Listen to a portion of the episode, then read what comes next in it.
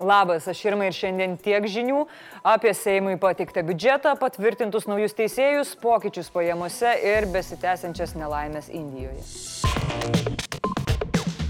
Šiandien buvo pristatytas pakeistas biudžeto projektas. Noriu pristatyti Jums patobulintą 2021 metų biudžeto projektą. Pasak ministrės, biudžeto pakeitimai siekiama suvaldyti pandemijos pasiekmes, finansuoti po pandeminį periodą ir papildomom priemonėm padėti verslui ir gyventojams grįžti į normalų gyvenimą. Valstybės biudžeto pajamas siūloma didinti 5 procentais, tai yra pusę milijardų eurų, o išlaidas puspenkto procento.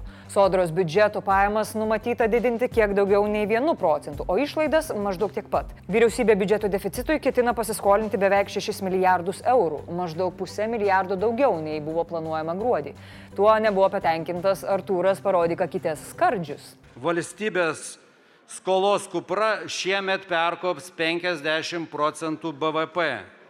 Pinigų skolinamosi daugiau, nei vyriausybė turi fantazijos ir galimybių juos įdarbinti. Skundėsi ir buvęs premjeras Saulis Kvernelis, bet jam buvo priminta, kad jo vyriausybės parengtame biudžete numatyta skola buvo bent 700 milijonų didesnė.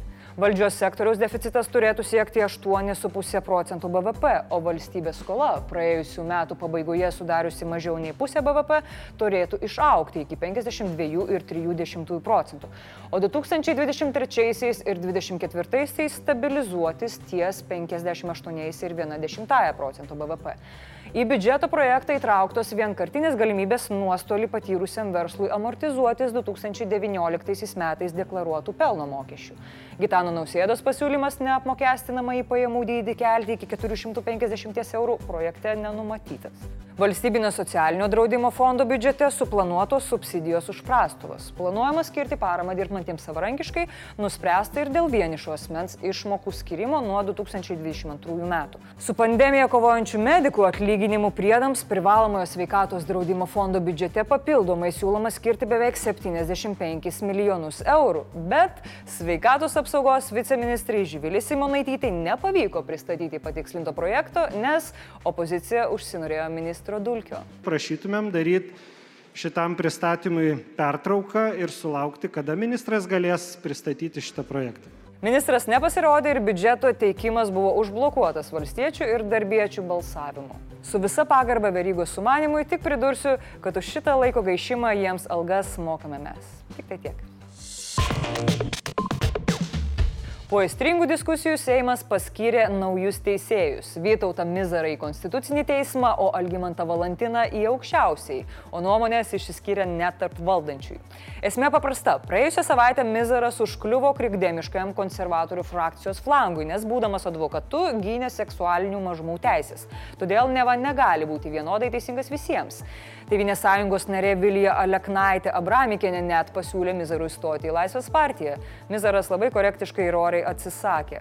O šiandien liberalas Eugenijus Gentvilas pasakė, kad tokiais pasisakymais Seimo nariai diskredituoja save ir skatina homofobiją, nes teisininkas yra saistomas priesaikos. Advokato priesaika, kaip ir gydytojo, verčia jį ginti arba gydyti visus, net ir puolusius, nusikaltelius ar žmogžudžius.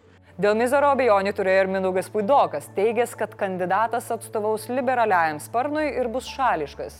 Versirijus Mindaugai, bet žemiečių teisininkų darbas nėra atstovauti sparnams. Tačiau nepaisant prieštaravimų 75 už, Seimas slaptų balsavimų patvirtino Mizarą. Naujai paskirtas teisėjas pasakė, kad partnerystės įstatymo projektas niekaip nesikėsina į konstitucinę šeimos sampratą. O ne pikti komentatoriai man liepia užsičiaupti, kai kalbėjau vakar apie LGBT, o dabar lieps ir teisininkams. Mm, kas toliau? Kritikos sulaukė ir Elgimantas Valantinas. Mišriukas Vytautas Bakas jam priminė, kad nuo 2005 iki 2010 jis buvo generalinis prokuroras, o būtent tada... Tada vyko Leo LT afera. Generalinis prokuroras, kuris turi būti visuomenės interesų, viešo intereso sargas buvo abejingas. Valantinas buvo patvirtintas gan svarių rezultatų. Sveikinam naujus teisėjus ir linkim būti teisingais visiems, o mes jau jūs stebėsim. O dabar paskaičiuokim svetimus pinigus. Sodra paskelbė, kad vidutinės darbo pajamos pirmąjį šių metų ketvirtį augo dešimtadaliu. Palyginti su tuo pat laiku pernai, vidutinė alga išaugo iki beveik pusantro tūkstančio eurų ant popieriaus arba beveik tūkstančio į rankas. Anos sodros statistikos analizės ir prognozijos skyrius patarėjos augimą lėmė minimalios saugos didinimas ir priedai medikams. Jo, tie mažyčiai priedukai tik statistikai ir puošti. O kaip statistika pasipuoštų, jeigu būtų išmokėti medikams visi priedai? Hm? Didėjo priimtų į darbą skaičius. Pandemija didesnės įtakos turėjo apgyvendinimo ir maitinimo bei kelionių sektoriams, o informacijos ir ryšių, finansų ir draudimo įmonės lengviau perkelė darbuotojus į namus ir veiklą tęsė. Vidutinės darbo pajamos kovo palyginus su pernai vasariu labiausiai išaugo sveikatos priežiūros įstaigose. Daugiau nei vidutiniškai jie augo prekyboje, apdirbamoje gamyboje, švietime ir profesinėje bei mokslinėje veiklose. Paaugo nuo 2015 metų mažėjęs darbo pajamų ant popieriaus atotrukis penktadalio daugiausiai ir penktadalio mažiausiai uždirbančių vidutinės pajamos pernai skyrėsi 6,5 karto. Be to apdraustųjų uždirbančių mažiausiai mažėjo, bet augo uždirbančių daugiau nei vidutiniškai. Tikėtina, kad mažiausiai uždirbančių sumažėjo dėl jų pasitraukimo iš darbo rinkos. Darbo rinkoje nuo 2019 metų beveik 4 tūkstančiai sumažėjo žmonių su negale. Nuo pandemijos finansiškai labiau nukentėjo moteris, nes paveiktose sektoriuose jau dirba daugiau. Bet palyginus su pernai metais, jų vidutinės darbo pajamos augo sparčiau negu vyrų. O jūs ar pajutote pokyčius gaunamuose pavedimuose? Pasiguoskit komentaruose. Indijoje koronaviruso atvejų skaičius pasiekė užsikrėtimo ir mirčių rekordą. Mirusius artimuosius pradėta mesti į Gango upę, nes deginti nespėjama.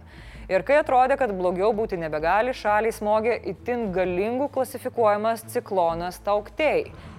Vėjų gūsiai siekia 160, o vietomis net 205 km per valandą. Galinga stichija pasiglimžė mažiausiai 24 gyvybės. Sauraštros regionas plaukia, elektros srovė nutrūko maždaug pustrečio tūkstančių kaimų, padaryta žala daugiau nei 16 tūkstančių namų, sugadinti keliai. Evakuota 200 tūkstančių žmonių, įskaitant koronaviruso pacientus.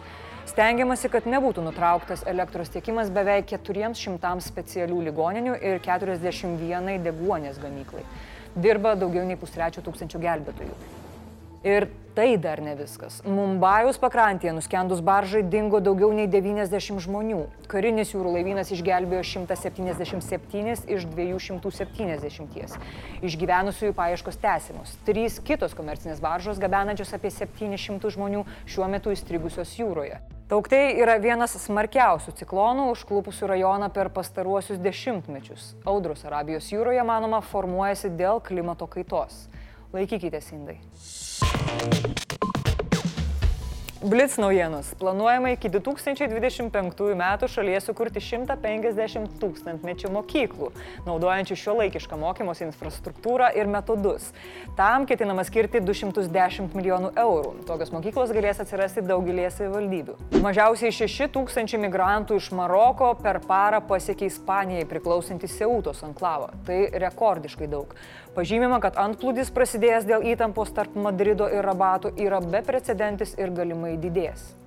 Seimo narių kuriozai tęsiasi. Šį kartą drabužius prieš kamerą per nuotolinį posėdį nusimetė konservatorius Kestutis Masiulis, prajuokinės ir sutrikdęs valstybės valdymo ir savivaldybių reikalų komiteto kolegas. Pažiūrėkite. A, tai Šiandien vakare pirmasis Eurovizijos pusfinalis, kuriame pirmieji pasirodys Lietuvos atstovai grupė The Roop. Po generalinės repeticijos grupės lyderis Vaidotas Valiukevičius džiaugiasi, kad viskas pavyko gerai ir laukia tolimesnių pasirodymų. Jei susirašėte į pikniką, nepamirškite pasirūpinti ir mažaisiais draugais.